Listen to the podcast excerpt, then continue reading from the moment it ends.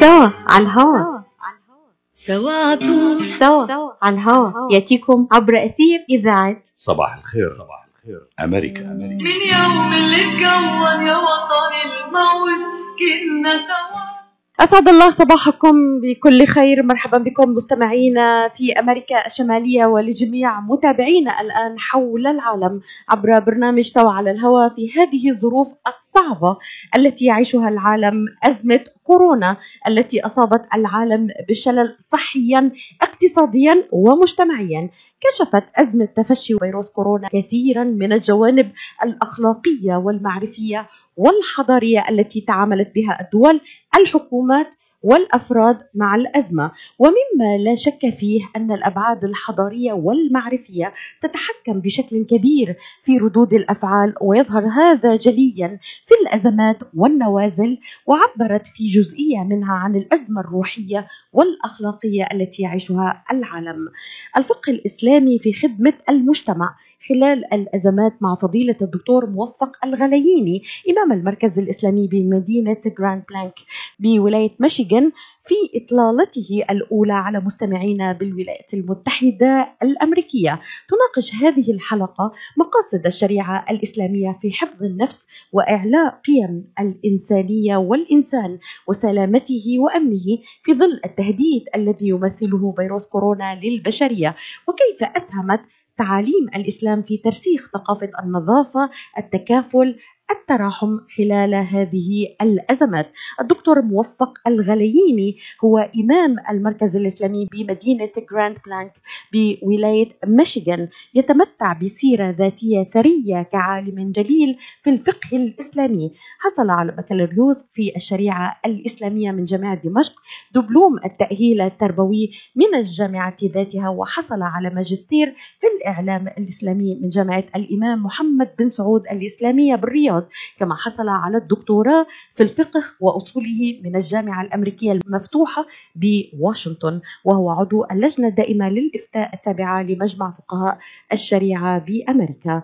البرنامج برعاية كريمة من مؤسسة الحياة للإغاثة والتنمية. تابعونا حوارنا شيق هذا الصباح كونوا معي على مدار ساعة من الزمن حتى التاسعة بتوقيت الساحل الشرقي مرحبا بكم هذه ليلى الحسيني تحييكم بعد الفاصل نبدأ حوارنا مع فضيلة الدكتور موفق الغليني.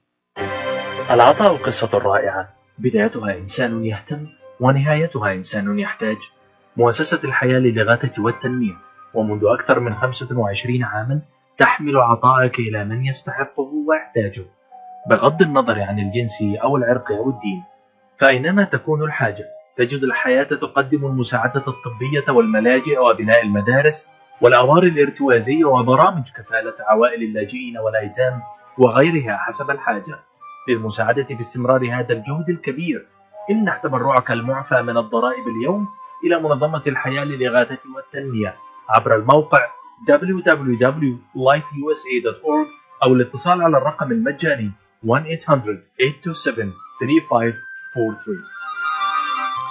مرحبا بكم مستمعينا الكرام في أمريكا الشمالية وحول العالم في حلقة الفقه الإسلامي في خدمة المجتمع خلال الإزمات مع فضيلة الدكتور موفق الغليني. صباح النور دكتور ومرحبا بك في إطلالتك الأولى على مستمعينا في أمريكا الشمالية.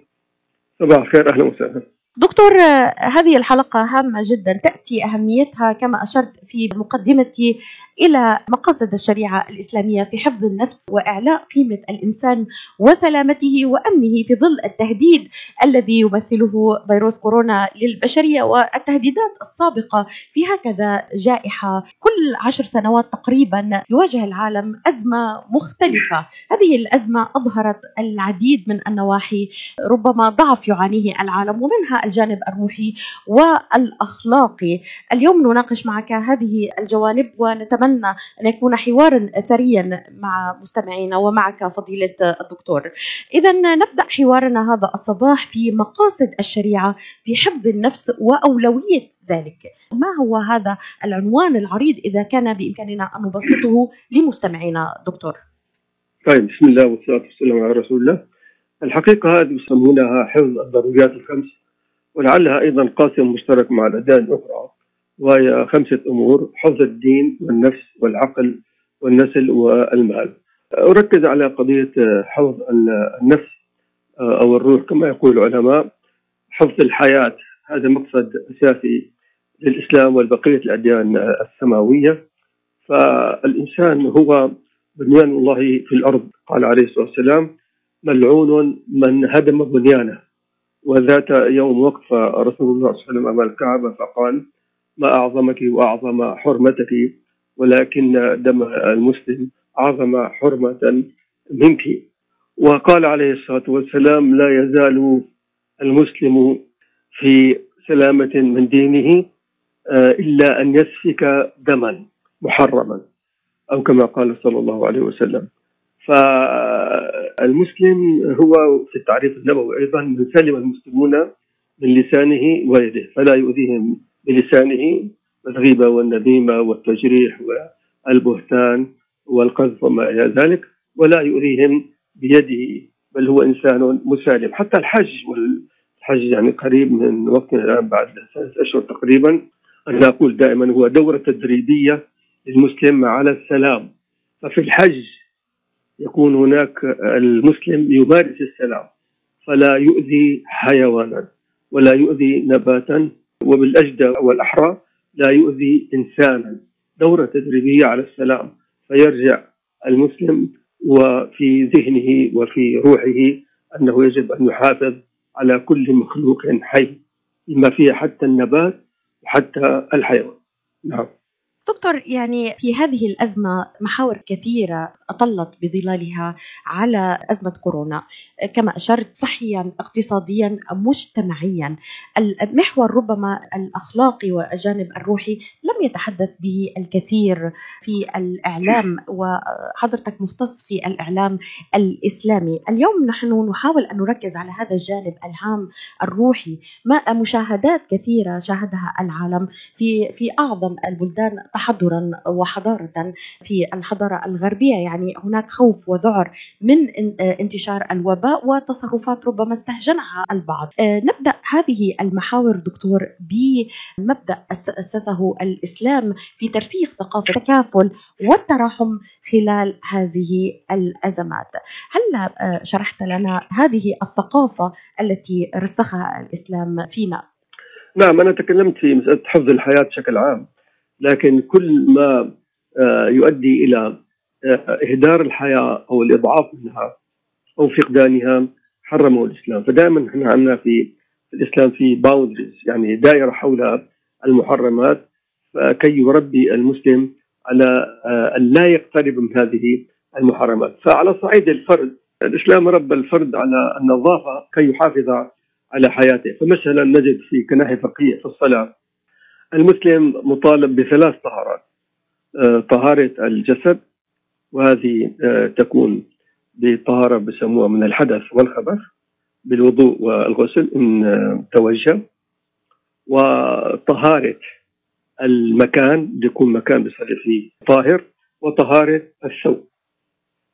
والنبي صلى الله عليه وسلم قال بالنسبة حتى البيئة نظفوا أفنيتكم. ولا بد من الإشارة هنا إلى أن ألق الحضارة الإسلامية ظهر في الأندلس كما هو معروف في الوقت الذي كانت أوروبا في العصور الوسطى في دياجير الظلمات ولم يكن في أوروبا معروفة لديهم أن يكون هناك مكان خاص كبيت الخلاء أخذوا هذا عن المسلمين لأن هذا من متطلبات الطهارة ومتطلبات الصلاة التي هي مفروضة خمس مرات في اليوم والليلة. فلا أستطيع في هذه العجاله أن أدخل في التفاصيل الفقهية لكن لو أخذنا مثالا الوضوء الوضوء. فالوضوء أركانه خمسة ماخوذه من قوله تعالى يا أيها الذين آمنوا في سوره المائدة. إذا قمتم إلى الصلاة فاغسلوا وجوهكم وأيديكم إلى المرافق وامسحوا برؤوسكم وأرجلكم إلى الكعبين. يعني الأعضاء الرئيسية في الإنسان الوجه واليدان والرأس والقدمان. نجد إنها من الفريضة على المسلم أن يغسلها خمس مرات. إذا صلى الفرائض في كل يوم وليلة. آه إلى جانب في عندنا غسل واجب في أغسال واجبة المسلمون يعرفون هذا الأمر. في أغسال مسنونة خاصة يوم الجمعة وأيام العيد وغيرها بحيث يبقى المسلم محافظا على نظافته طوال السنة بشكل كامل. وأيضا نجد آه، مثلا تنظيف الأسنان عن طريق السواك. حتى الآن في معجون مأخوذ من هذه المادة لأنه ثبت أنه فعالة في تنظيف الأسنان.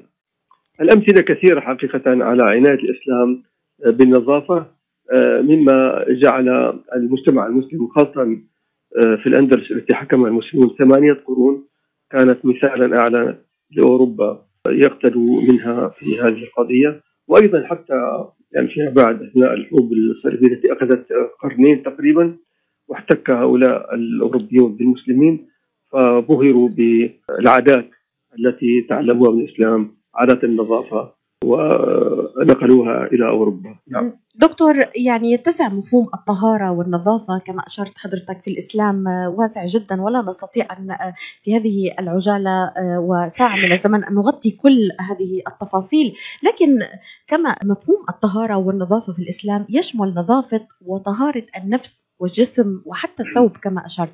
كيف نرى دلالة ذلك؟ وماذا عن نظافة البيئة والمجتمع الذي يعيش فيه المسلم؟ أو نعيش فيه كأفراد في العموم كيف تناولت تعاليم الإسلام هذا الأمر؟ آه، في الحقيقة يعني آه، كل أمر في الإسلام له علاقة بالعقيدة. وهذا ميزة عظيمة الحضارة الإسلامية. يعني كما ذكرت نحكي آخر موضوع يعني نتكلم فيه.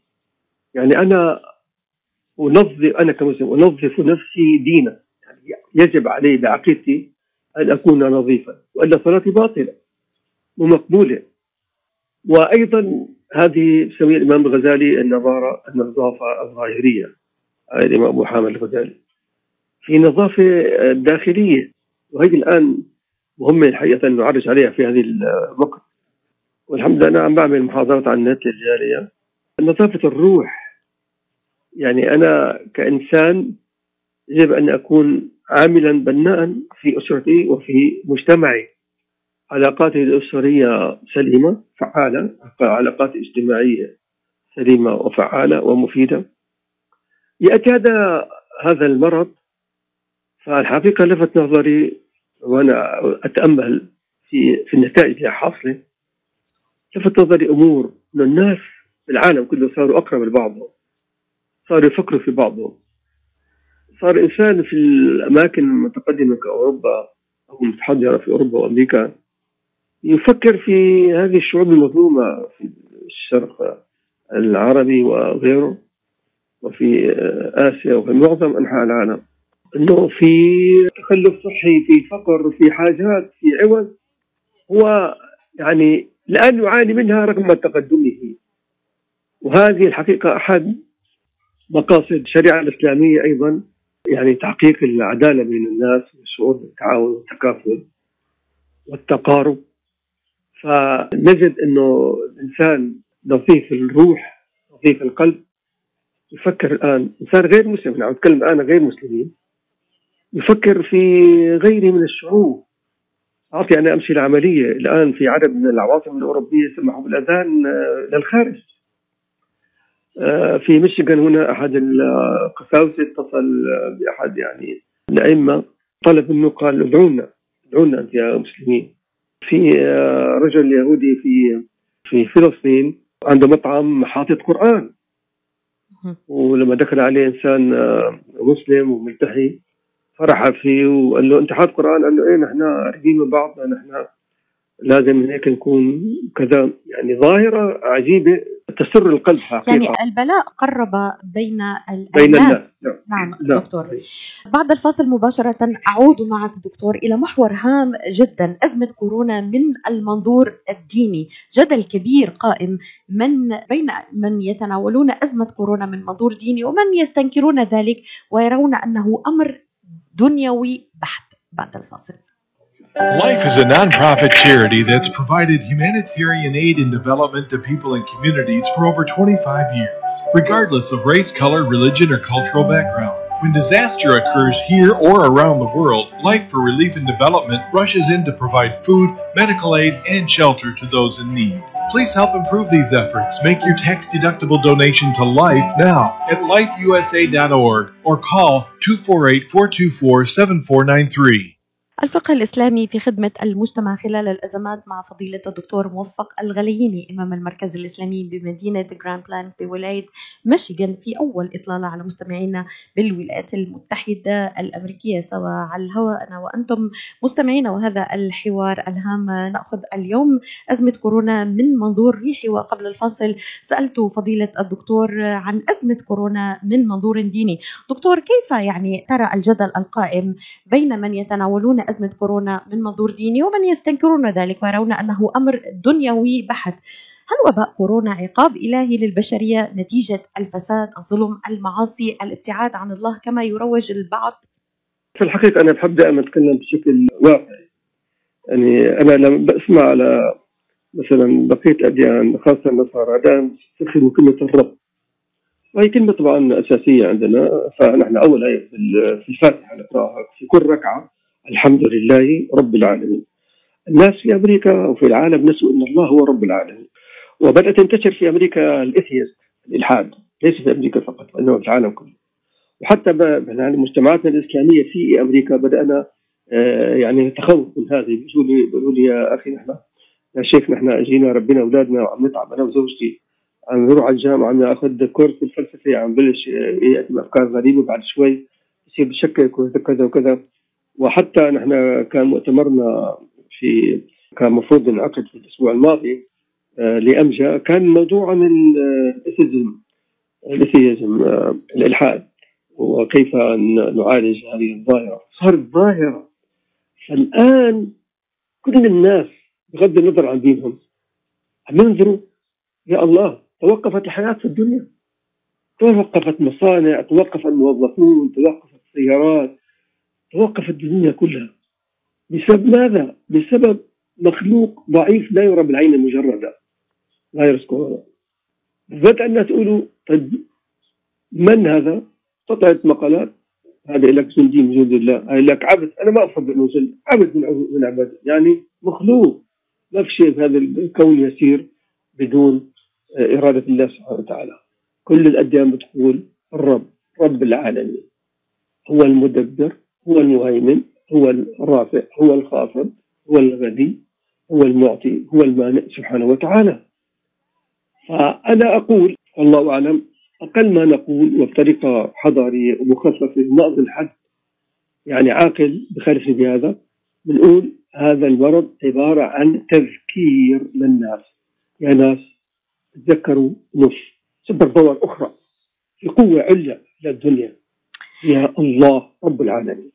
دكتور في نفس بعتبر أنا تفكير تفكير. وفعلا أنا شعرت إنه المسلمين أنا من خلال يعني مداخلاتي معهم في المحاضرات عبر النت صاروا أرق قلوبا وحنين عجيب لصلاة الجمعة وللمسجد وعم يطلعوا بعض يعني عم تتابع بعض البرامج الدينية في العالم العربي. يعني تطلع أخت مصرية تقول لاحد مقدمين برامج. تقول أنا كل مرة أسمع مؤذن عم يقول صلوا في رحالكم. بكي يا شيخ بكي بكي. أنا ليه؟ قالت له كأنه الله عم يقول أنتم مو خرج تيجوا على الجوامع جوامع روح نطفوا حالكم. أنتم بدكم تربية بدكم تتوبوا إلى الله حتى تصيروا أهل ترجعوا لبيتي هذه المعاني ما كانت موجودة. الآن عم توجد عم تحرك القلب إنه يا الله أنت رب العالمين أنت المدبر أنت اللطيف أنت الخبير اكشف عنا ما نزل بنا نعم. دكتور تحدث البعض في بداية أزمة كورونا على أن ما حدث في الصين عقاب. لها. أنا أرصد ولك ما أراه على حلقات التواصل الاجتماعي وهذا هو أيضا جزء من التوعية من برامجنا يعني التي نقدمها إلى مستمعينا. تحدث البعض في بداية أزمة كورونا أن ما حدث في الصين عقاب لها على ظلمها للمسلمين.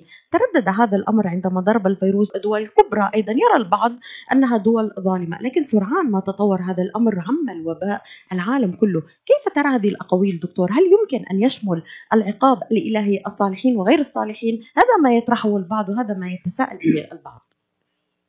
وفي عندنا قاعدة تعلمنا من مشايخنا أن الرحمة تخص والبلاء يعم إذا أراد الله أن يخص عبدا من عباده أو مجموعة أو ناس معينين برحمة وفضل فيخصهم لما يعني لعملهم ولنيتهم الطيبة.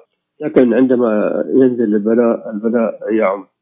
في أمر فعلا صار فيه خليني أحكي على العالم الإسلامي أما أحكي على غير العالم الإسلامي في أمر نحن أهملناه وهو الأمر بالمعروف والنهي عن المنكر وإسداء النصح.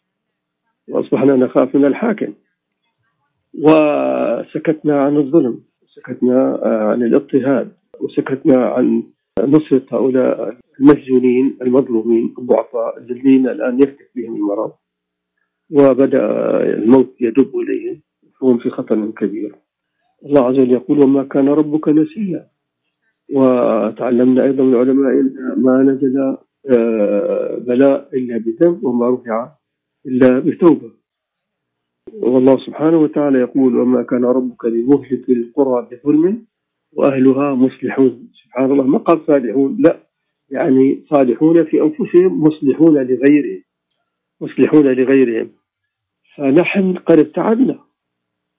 ابتعدنا كثيرا أتكلم عن المسلمين.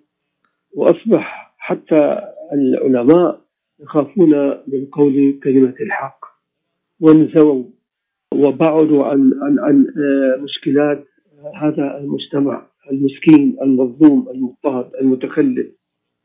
فهذا أيضا إنذار لنا. نحن المسلمين بقوله تعالى وإن تتولوا أي عن طريقه عن هديه عن نوره وإن تتولوا يستبدل قوما غيركم ثم لا يكونوا أمثالكم.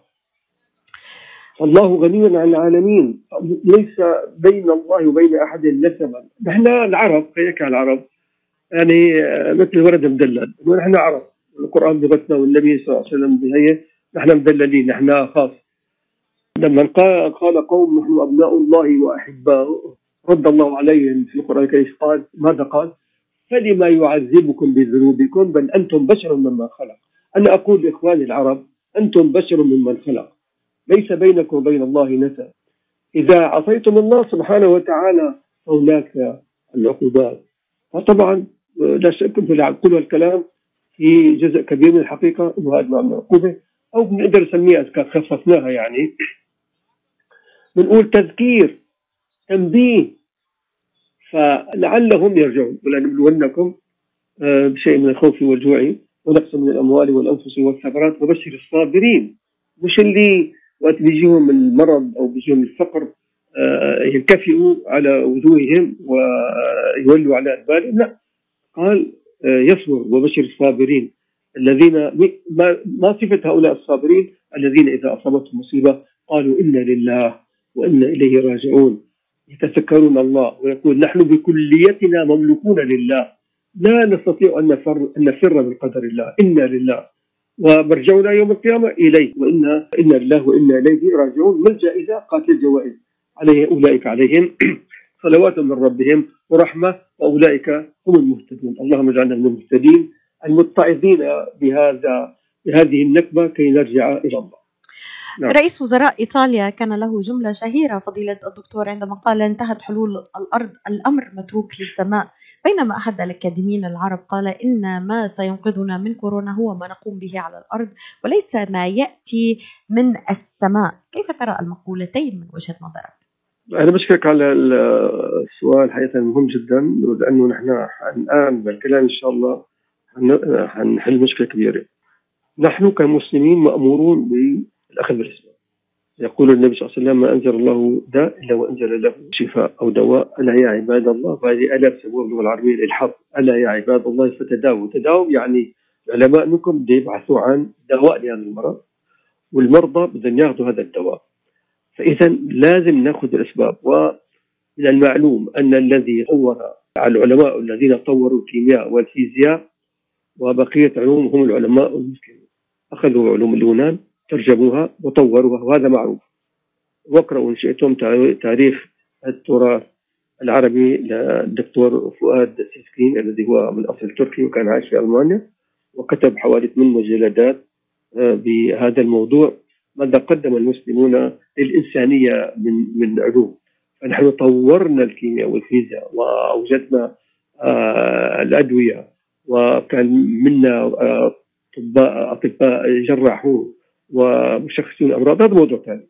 المهم في أخذ بالاسباب لكن بعد ما أخذ بالاسباب بقول يا رب اللهم هذا دوائي وعليك شفائي.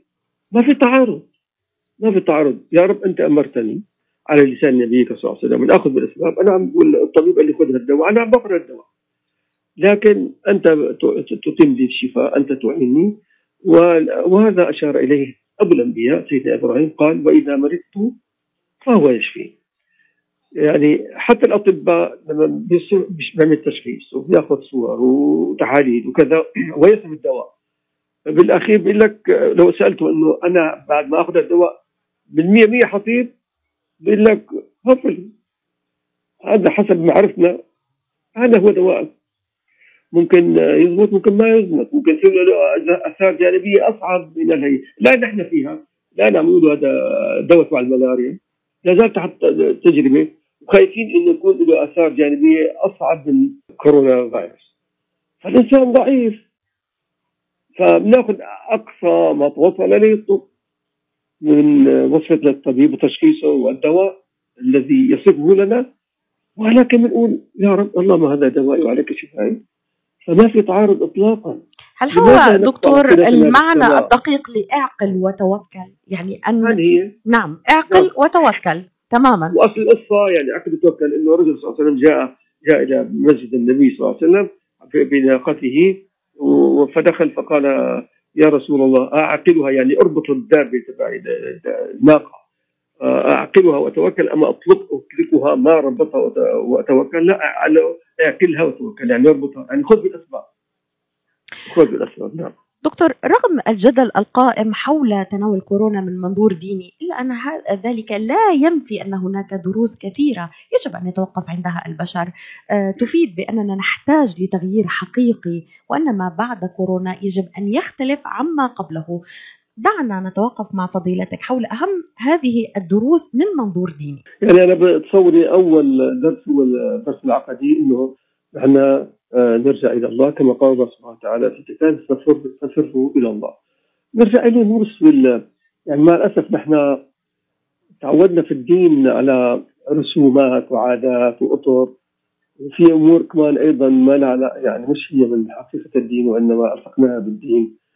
فالحقيقة بدها الآن صحوة ونهضة آه، فكرية وروحية. نرجع لأصول الدين ونترك الزيادات والبدع والخرافات.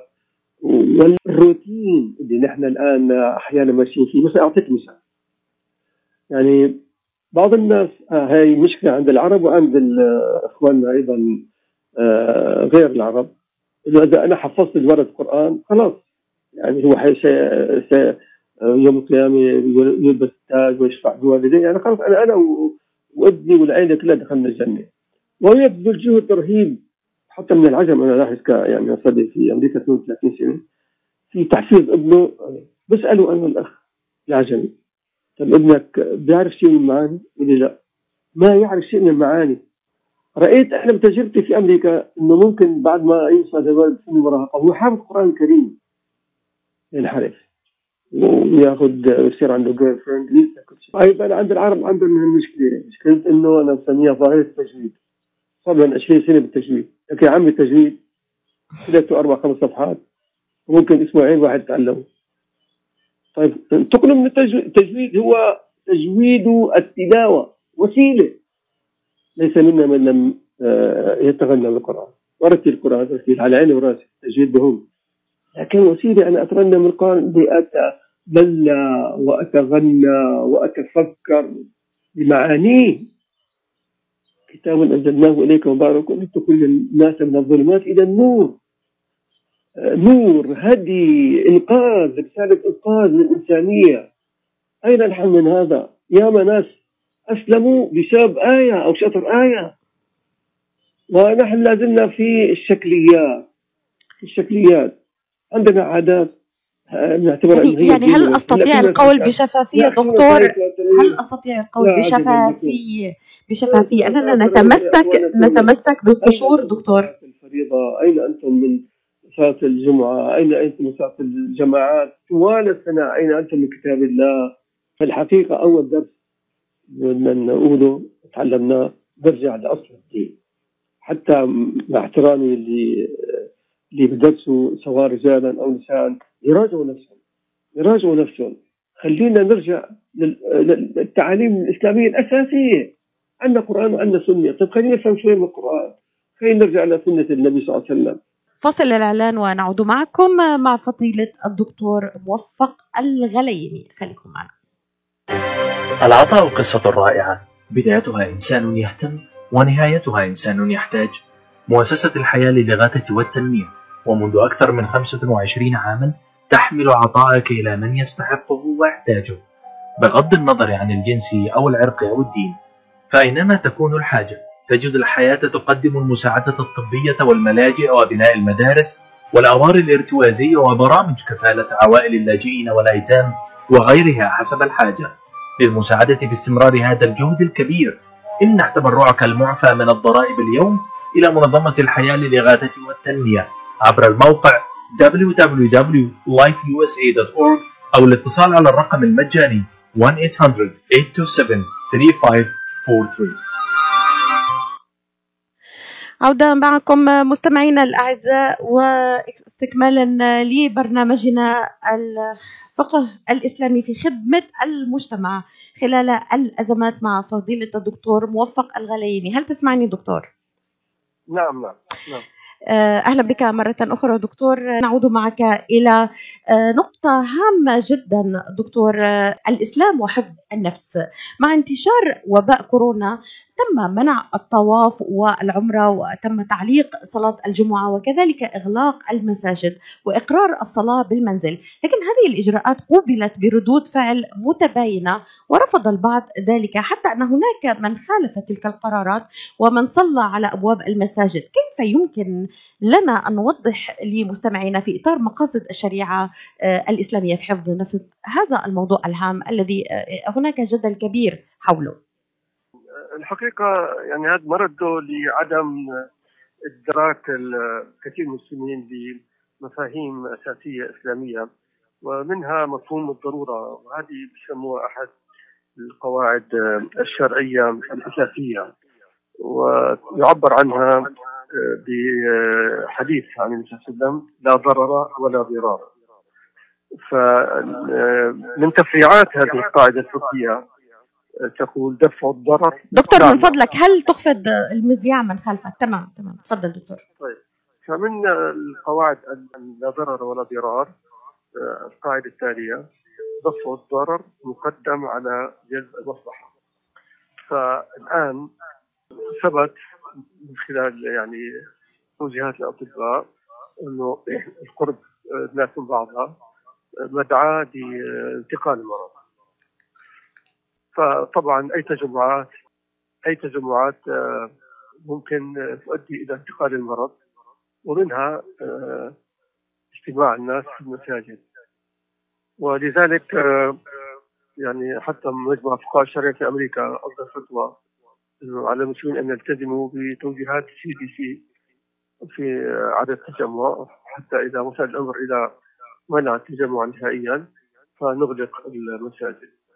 واستجاب الأئمة لهذا واغلقوا المساجد الجمعه والجمعات ونحن نعرف من توجيه النبي صلى الله عليه وسلم أن الإنسان إذا مرض وكان من عادته أن يذهب إلى المسجد وقعد وصلى في منزله أن ثواب صلاته في منزله تكون كصلاته في مسجده لأنه عاجز. وكذلك أنا أبشر المسلمين بأن من اعتاد أن يصلي في المسجد جمعة أو جمعات وصلى في منزله دفعا للضرر فإن ثوابه كامل إن شاء الله. دكتور صدرت العديد من الفتاوى حول أن من يموت بمرض كورونا فهو شهيد. ما مدى صحة هذه الفتاوى دكتور؟ يعني أسئلة مهمة تدور في أذهان الكثير آه، من مستمعينا حول كيفية التصرف في ظل هذه الأزمة. دعنا نلقي الضوء آه، عليها مع فضيلتك. نبدأ بمسألة السلام والمصافحة. هناك من يستنكر عدم المصافحة ينظر لما لا يصافحه على أنه يخالف تعاليم الدين وعادات المجتمع يستهين بالتعسيرات الطبية في هذا الخصوص. ماذا نقول في هذا السياق دكتور؟ في ظل الإسلام وحفظ النفس دكتور. يعني آه، كل المسلمين بفضل الله آه، يعني يحملون في صدورهم القناعة الكاملة بالقرآن الكريم كلام الله سبحانه وتعالى.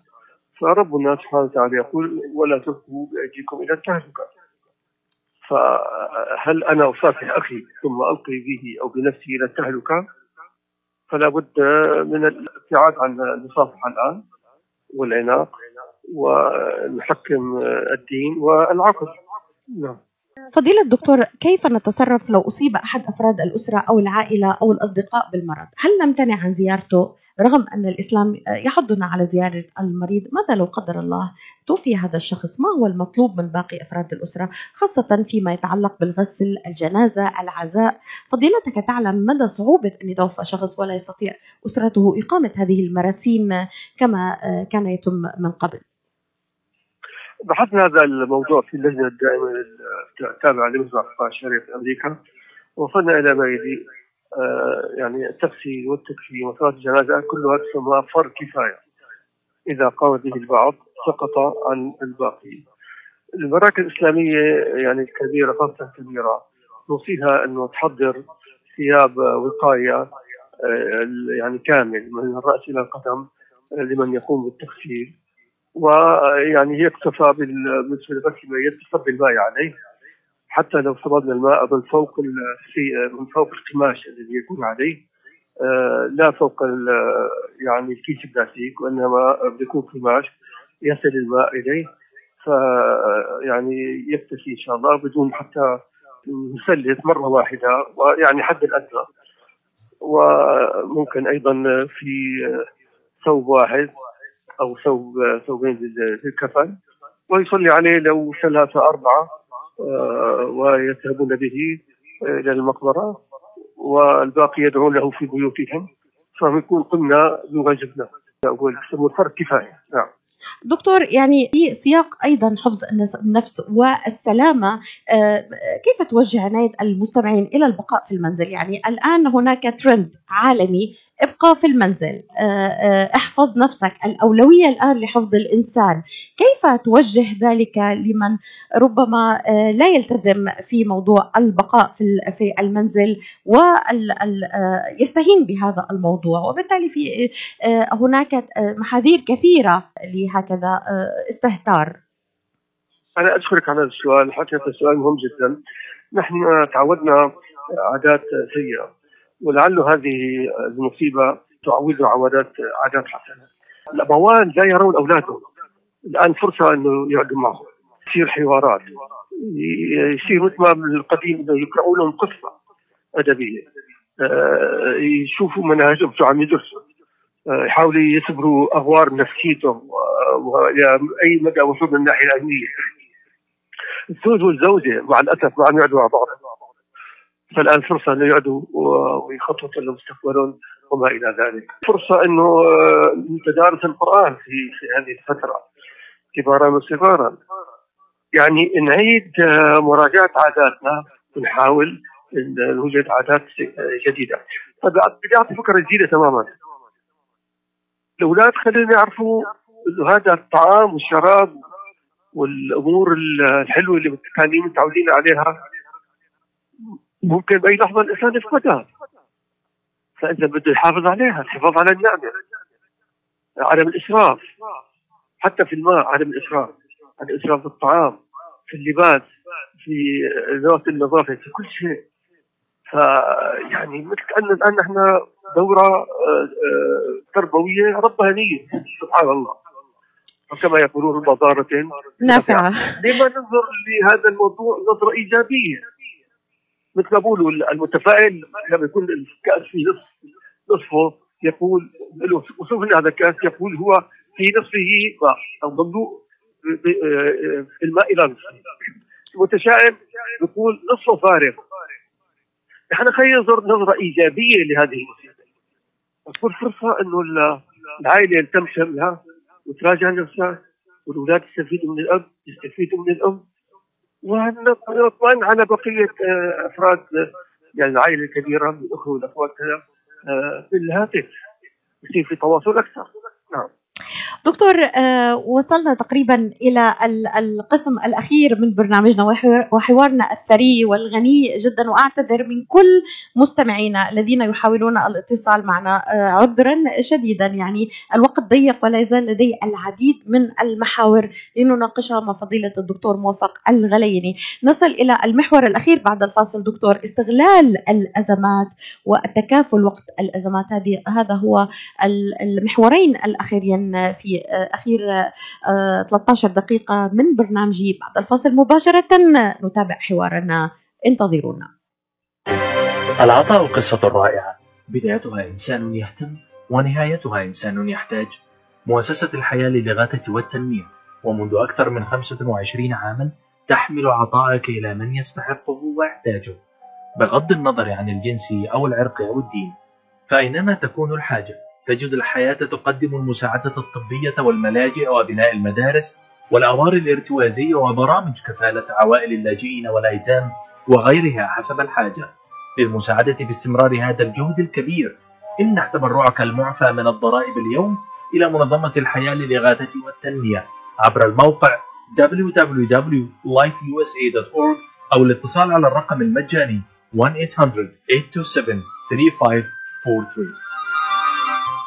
عودة معكم مستمعينا الأعزاء مع هذا الحوار الغني وفضيلة الدكتور موفق الغليني يطل علينا في أزمة كورونا. وقبل الفاصل سألت فضيلة الدكتور عن التكافل وقت الأزمات واستغلال الأزمات.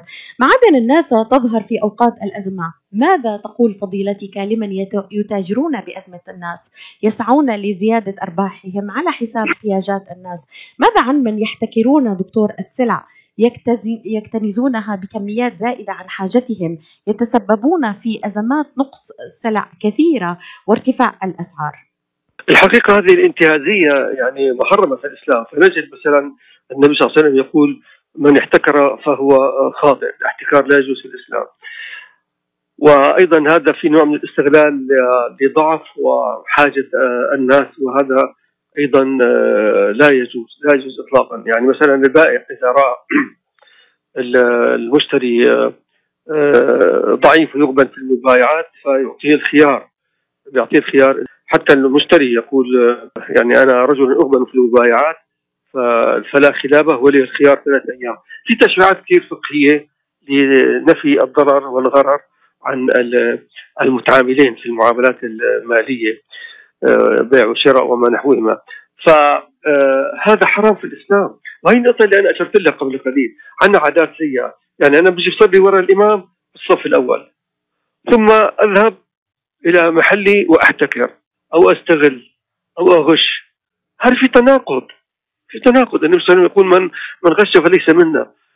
آه وأنا عملت محاضرة من يومين للجالية. وسألوني ماذا نفعل أنا حتى أرضي الله سبحانه وتعالى. قلت أول شيء نأخذ من هدي النبي صلى الله عليه وسلم يقول آه، ما نهيتكم عنه فاجتنبوه. يعني وما أتيتكم به آه، فأتوا منه ما استطعتم. فترك الحرام هو أول خطوة. فأنا أوصي المسلمين وغير المسلمين بالابتعاد عن كل ما يؤذي الناس من احتكار واستغلال وما إلى ذلك. هذا حرام ويعاقب عليه الإنسان ويذهب ثواب صلاته وصيامه وزكاته وحجه إذا كان يظلم الناس. يعني الظلم ظلمات يوم القيامة. يا عبادي حديث قدسي إني حرمت الظلم على نفسي وجعلته بينكم محرما فلا تظالموا. ولعل من أسباب هذه المصيبة التي نحن فيها هو الظلم. نعم.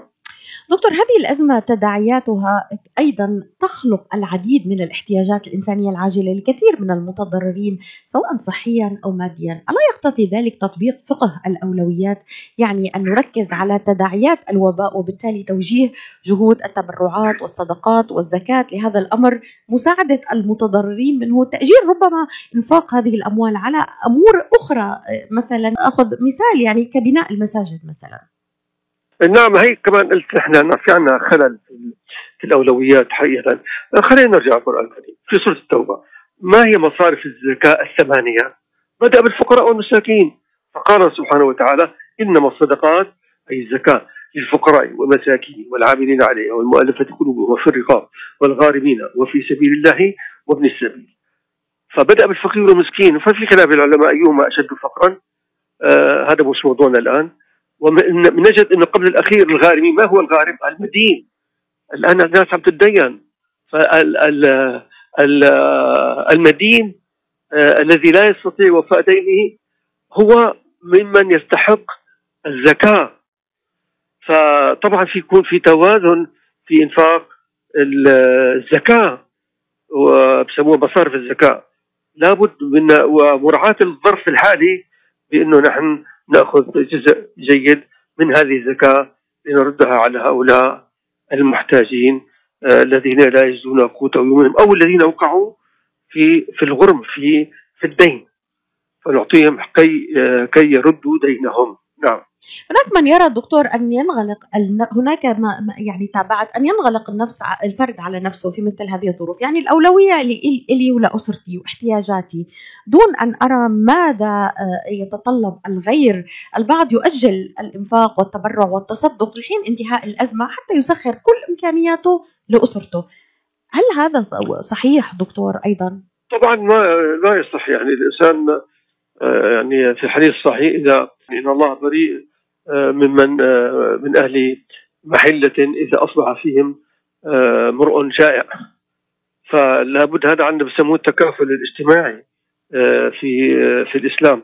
وفي الحقيقة حتى ما نيأس المستمعين الأخوة المستمعين الأخوات في نماذج إسلامية جميلة. يعني أنا جاني هالسؤال من أكثر من مصدر إنه أنا كرب عمل هل أعطي يجوز أن أعطي زكاتي زكاة مالي للموظفين؟ إذا ما أستطعت اعطي اعطيهم رواتبهم وأنا لست ملزما بأن أعطيهم رواتب إذا صار في يعني بسموها جائحة يعني مصيبة عامة. وحتى بلجنه سبحان الله أنا اعطيتها الفتوى بشكل شخصي بعدين بحثناها بلجنة الفتوى وجاءت ستنزل إن شاء الله على على صفحتنا. كنا عم نناقشها امبارح. إنه نعم بهذه الشروط يعني ف يعني في ناس طيبين عم فكروا بالموظفين تبعاتهم بدهم يضلوا يعطوهم. والحمد لله رب العالمين في عندنا الزكاه عم تحل لنا مشاكل كثير الآن. في ناس عم يسألونا إنه هل أستطيع أن آه، أدفع زكاة مالي مقدما؟ أغلب المسلمين متعودين يدفعوا زكاة برمضان. فانا شو رأيك يا شيخ أن ادفع الآن؟ آه لأنه في ناس من أسرتي محتاجين. طبعا الأسرة الأسرة ما عدا الأصول الفروع الأب والأم والأولاد. هذا هو لب تقديم آه، فقه الأولويات دكتور كما تحدثت عنه نعم. في فيها في آه، في أن نقدم ما هو الأولى الآن. الأولى نعم. نعم. صحيح. كلمة أخيرة دكتور يعني توجهها فضيلتك لعموم المسلمين ولعموم من يتابعنا الآن من جالية عربية كريمة آه، تستمع إلينا في آه، أمريكا وفي العالم حول الدروس المستفادة من هذه الأزمة. ونختم بدعاء نردده مع فضيلتك حتى يرفع الله نعم. عنا هذا البلاء إن شاء الله. سبحان الله أنا اليوم كنت أفكر في هذا البرنامج وقلت شو ممكن أوجه رسالة سريعة مؤثرة. فسبحان الله ذكرت آه، آية كريمة تصف يوم القيامة. يقول الله سبحانه وتعالى وخشعت الأصوات للرحمن فلا تسمع إلا همسا فيوم القيامة نأتي لله سبحانه وتعالى مستكينين ضعفاء حتى لا نستطيع أن نرفع صوتنا. همس. أما نلاحظ الآن في العالم في ركود وخمود و يعني تشاؤم وقلق وخوف كأننا في يوم القيامة. أنا اللي خايفه أنه الشعور هذا الطيب والإيجابي الآن بعما يلاقوا دواء للمرض نرجع كما كنا. وتقسى تقسو قلوبنا.